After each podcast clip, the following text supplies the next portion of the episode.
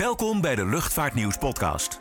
Je wekelijkse portie nieuws, updates en achtergronden over luchtvaart en zakenreizen.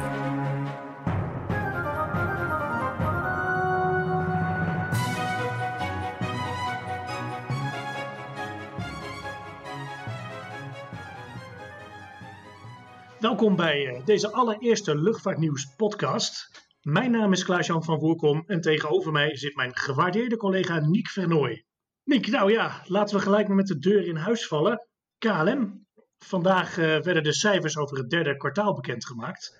En die waren niet best. KLM eindigde 234 miljoen euro in het rood. En de Air France KLM groep als geheel noteerde een verlies van bijna 1,7 miljard. Dramatisch, maar niet echt verrassend, toch? Nou ja, inderdaad was dit conform de verwachting. Uh, tot midden augustus zag het er veelbelovend uit, maar daarna zakte het passagiersvervoer in door de vele reisrestricties. Uh, op dit moment doet alleen cargo het eigenlijk goed, uh, maar de hoeveelheid passagiersvluchten is deze winter teruggeschaald. de vooruitzichten zijn troebel vanwege de vele reisbeperkingen.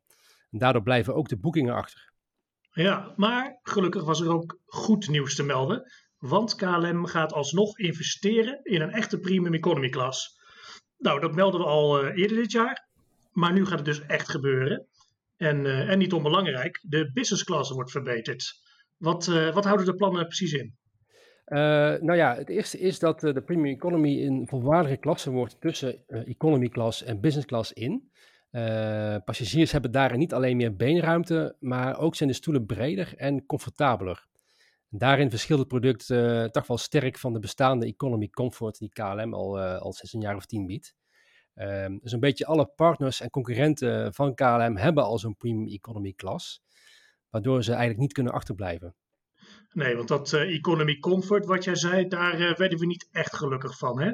Door een paar centimeter extra beenruimte voor een behoorlijke som geld.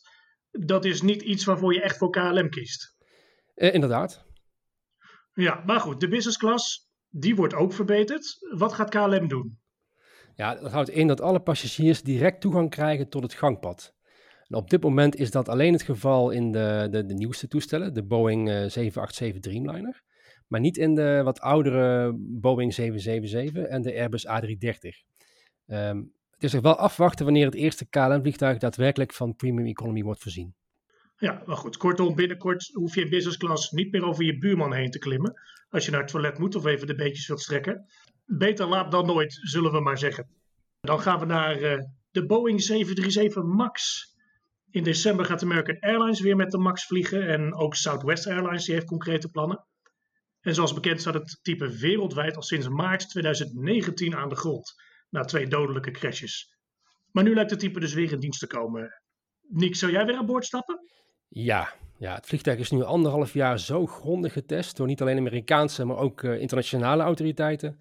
Ik zou eigenlijk zelf geen moment twijfelen om er weer in te vliegen. Maar ik kan me wel voorstellen dat bij het grote publiek wat anders ligt. Ja, want American Airlines die gaat nu speciale kijkdagen organiseren, waarbij passagiers de MAX echt zelf kunnen inspecteren en vragen kunnen stellen aan piloten en technici. Zou dat de angst bij het publiek weg kunnen nemen? Ja, dat is wel afwachten. Uh, je kunt maar een beperkt aantal mensen toelaten bij die kijkdagen. En ik denk dat mensen die naar zo'n kijkdag komen, toch ook wel uh, eigenlijk wel weer uh, overwegen om erin te stappen.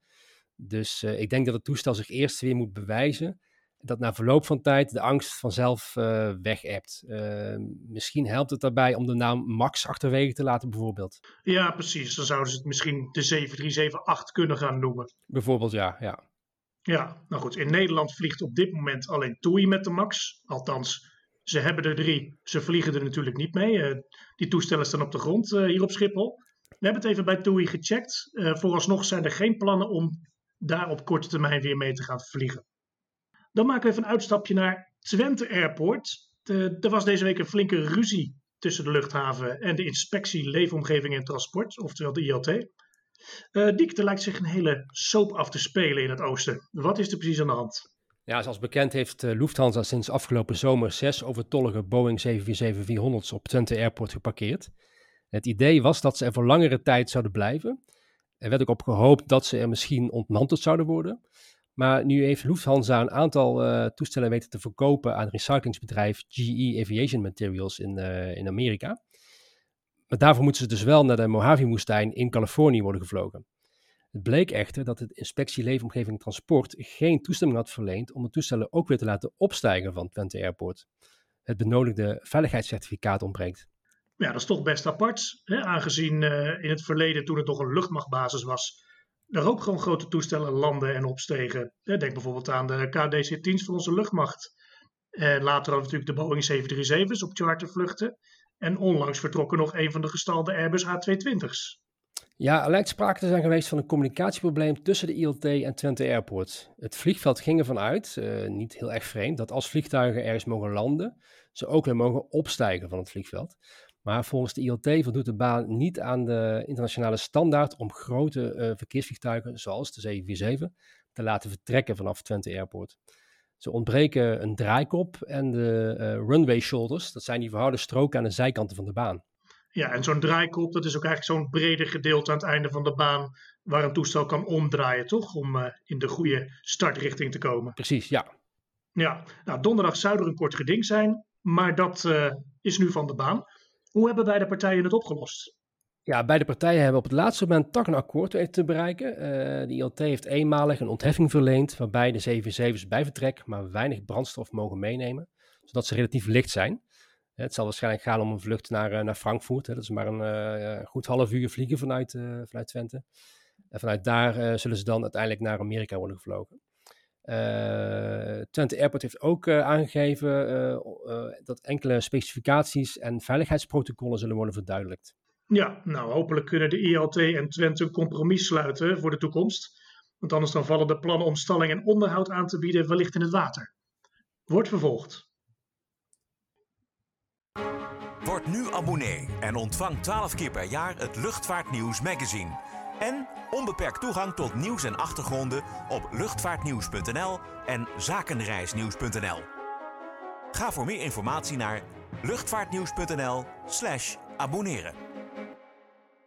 Nou, net als uh, veel mensen zijn er ook flink wat piloten die op dit moment thuis zitten.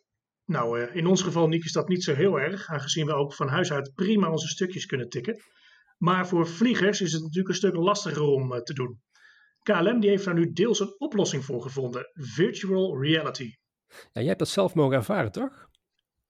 Ja, klopt. Ik heb me in Amstelveen op het hoofdkantoor van KLM even laten bijpraten over hoe dat werkt. Ja, zitten piloten straks op de bank met een virtual reality bril op uh, vluchten te oefenen? Of hoe, uh, hoe gaat dat?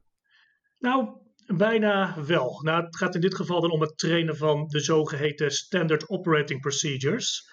En dat zijn standaard procedures om uh, bepaalde handelingen te verrichten. Dus denk aan het opstarten van de motoren of het oplossen van een noodsituatie op de grond.